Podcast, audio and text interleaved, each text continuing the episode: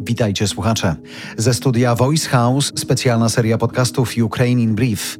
Najnowsze wiadomości dotyczą dni od 27 do 29 stycznia 2023 roku. Rekordowo duża liczba osób pożegnała się z polską armią. Tylko w styczniu, jak pisze Rzeczpospolita, mundur zdjęło ponad 4 tysiące żołnierzy zawodowych. W całym 2022 roku zrobiło to w sumie kilkanaście tysięcy żołnierzy zawodowych i ochotników WOT.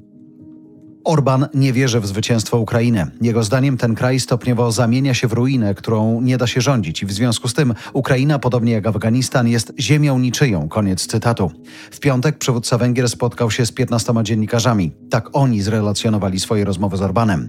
MSZ Ukrainy wezwało ambasadora Węgier w Kijowie na dywanik po tych słowach.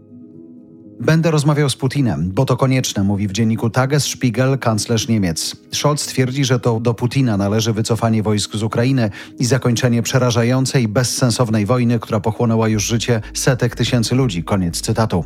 Scholz bardzo stanowczo nie zgodził się na dyskusję, co po czołgach dla Ukrainy. Może czas na myśliwce? Pojawiały się takie dyskusje w weekend.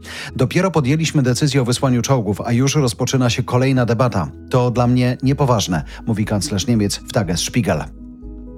Ostrzale Hersonia w ten weekend zginęły trzy osoby, pięć zostało rannych. Rosyjskie rakiety zniszczyły m.in. szpital, szkołę, bank i osiedle mieszkaniowe.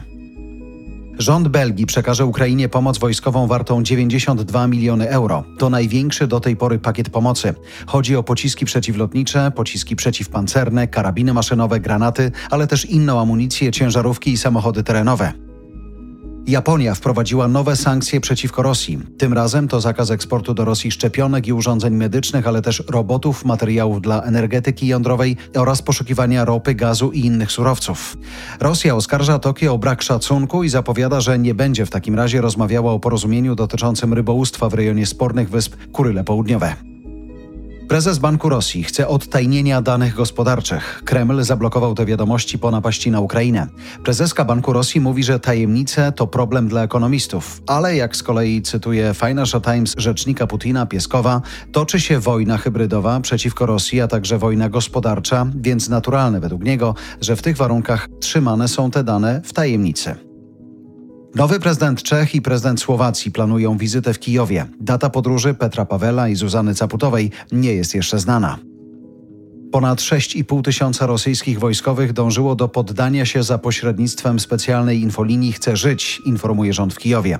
Ci, którzy nawiązali kontakt, zostali zweryfikowani jako służący w siłach rosyjskich za pomocą danych osobowych i numeru służbowego. Jak do tej pory informacje przekazywane przez ukraińskie władze nie zostały oficjalnie zweryfikowane. To było Ukraine in Brief od Voice House. Kierownictwo produkcji Dorota Żurkowska. Redakcja Agnieszka Szypielewicz. Dystrybucja Olga Michałowska. Dźwięk Kamil Sołdacki. Redaktor naczelny Voice House Jarosław Kuźniar.